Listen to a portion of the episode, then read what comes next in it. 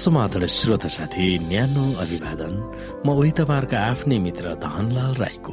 श्रोता आज म तपाईँको बीचमा बाइबल सन्देश लिएर आएको छु। आजको बाइबल सन्देशको शीर्षक रहेको छ मनै छुने गरेर प्रभुको निम्ति गवाई बन्नु।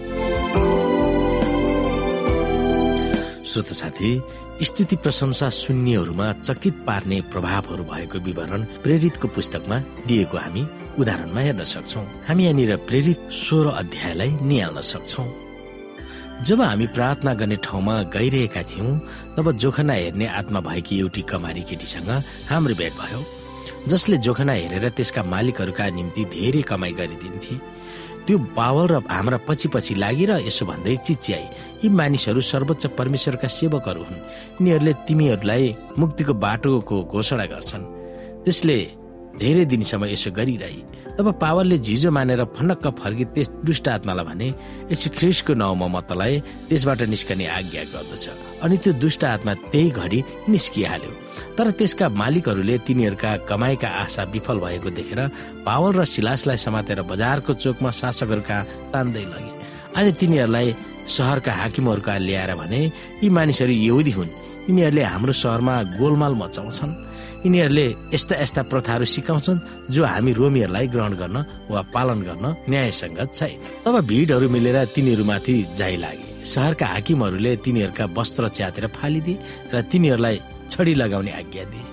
उनीहरूले तिनीहरूलाई निकै छडी लगाएपछि तिनीहरूलाई झ्यालखानामा हालिदिए र झ्यालखानामा झ्यालखानाका हाकिमलाई यी कैदीहरूलाई कडा निगरानीमा राख्ने हुकुम दिए। यस्तो हुकुम पाएर उनले तिनीहरूलाई झ्यालखानाको भित्री भागमा लगी तिनीहरूका खुट्टामा ठिङ्ग्रो हालेर ठोकेर राखिदिए। तर आधा राततिर पावल र शिलास प्रार्थना गर्दै परमेश्वरका भजन गाइरहेका थिए र अरू कैदीहरूले सो सुनिरहेका थिए। तब एक्कासी एउटा ठुलो भैँचालो गएर झ्यालखानाका जगहरू हल्लिएर तुरुन्तै जम्मै ढोकाहरू उग्रिएर सबैका बन्धनहरू खुले। झ्यालखानाका हाकिम निन्द्राबाट बिउजेर झ्यालखानाका ढोकाहरू उग्रेका देखेर कैदीहरू सबै भागिसके भन्ठानेर उनले अपहत्या गर्ने विचारले आफ्नो तरबार थुते। तर पावलले चर्को स्वरले यसो भन्दै कराए तपाईँले आफूलाई केही नोक्सानी नगर्नुहोस् किनकि हामी सबै यही छौँ। तब बत्ती मागेर उनी हाम फाल्दै भित्र आए र डरले कामदै पावल र सिलासका अगाडि घोप्टो परे। तिनीहरूलाई बाहिर ल्याएर उनले भने उद्धार पाउनलाई मैले के गर्नुपर्छ?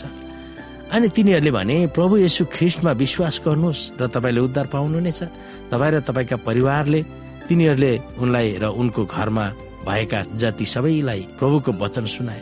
तब रातको त्यही घडी उनले तिनीहरूलाई लगेर घाउ धोइदिए अनि उनी र उनका परिवारले तुरुन्तै बत्तिसमा लिए। त्यसपछि तिनीहरूलाई घरमा ल्याएर तिनीहरूका सामान्य भोजन राखिदिए र परमेश्वरमा विश्वास गरे भन्ने कुरामा उनका सारा परिवारसँग उनी आनन्दित भए। श्रोता रोमको उपनिवेश ग्रिकको फिलिपिस सहरमा प्रभुको बारेमा प्रचार गर्न पावल र साइलस पुगेका थिए। दुष्ट आत्माले एकजना केटीलाई आफ्नो कब्जामा राखेको थियो। त्यस केटीले मानिसको जोखना हेरेर उनको मालिकलाई धेरै धन आर्जन गराउँथे। जब पावलले उनबाट दुष्ट आत्मा निकालिदियो तब उनकी मालिक र सहरको भिडले उत्तेजित भएर विदेशी धर्म ल्याउने भनेर पावल र सिलासमाथि निर्मम आक्रमण गरेका थिए। कुनै खोज नीति नै नगरी पावल र सिलासलाई फिलिपी सहरको नगर प्रमुखले तिनीहरूलाई पिट्दै नाङ्गो बनाउँदै झ्यालखानामा ठिग्रोमा राखेर थुनिदिएको कुरा हामीले हेर्यौँ यस घटनामा झ्यालखानाको हाकिमले आफ्नो मुक्तिको आवश्यकता भएको कसरी र किन महसुस गरे? हामीले त्यो सोच्न सक्दछौँ। कैदीहरू नभाग्न पावल र सिलासले के भूमिका खेलेका होला यस रोमी हाकिम र उनका सबै परिवारले यसुलाई विश्वास गर्न पावल र साइलसको भूमिका के थियो होला? हामीहरूको स्थिति र प्रशंसाले हाम्रा वरिपरि रहेका मानिसहरू जीवनलाई परिवर्तन गरी तिनीहरूलाई अनन्त जीवनमा प्रवेश गराउन सकिन्छ भन्ने धारणा चकित पार्ने भनेर ठान्नु पर्दछ यदि कालकोठरीमा अरू कैदीहरू जस्तै आफ्नो पीडा रुँदै गुनासो र गनगन गर्दै आइए आथा भनेर पावल र साइलास बसे भने त्यस रात कुनैको मुक्ति पाउने अवसर होला त? त्यसपछि झ्यालखानाका हाकिम र परिवारलाई के भयो? सो हामीलाई थाहा छैन। तर रोममा बन्दी बनिएर बसेका पावलले फिलिपियरलाई लेखेको पत्र त्यस झ्यालखानाका हाकिमले पछि पढ्दा के भयो होला? किनभने ख्रिस्टको निम्ति तिनीहरूलाई यो दिएको छ कि तिमीहरूले उहाँमाथि विश्वास गर्नु मात्र होइन। तर उहाँको खातिर दुःख भोग्नुपर्छ।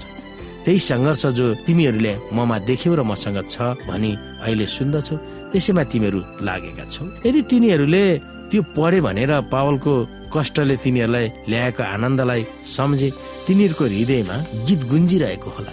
जुनसुकै परिस्थितिमा पनि निष्ठावान हुने तिनीहरू प्रतिबद्ध भएका होलान्। श्रोता साथी तपाईँको हृदयबाट निस्किएको स्थिति प्रशंसाले कसलाई प्रभावित पारेको होला त्यो तपाईँले सोच्नु पर्दछ। तपाईँ प्रभुको स्थिति प्रशंसा गर्न धेरै प्रयास गर्नुहोस् किनभने त्यसले अरूलाई कस्तो प्रभाव पार्छ भन्ने कुरामा तपाईँलाई थाहा नहोला। तर त्यसले धेरै मानिसहरूलाई प्रभाव पारिरहेको हुन्छ। त्यो कुरामा हामी विचार गर्न सक्दछौँ। श्रोता साथी आजको लागि बाइबल सन्देश यति नै। हस्त नमस्ते जय मसिंह।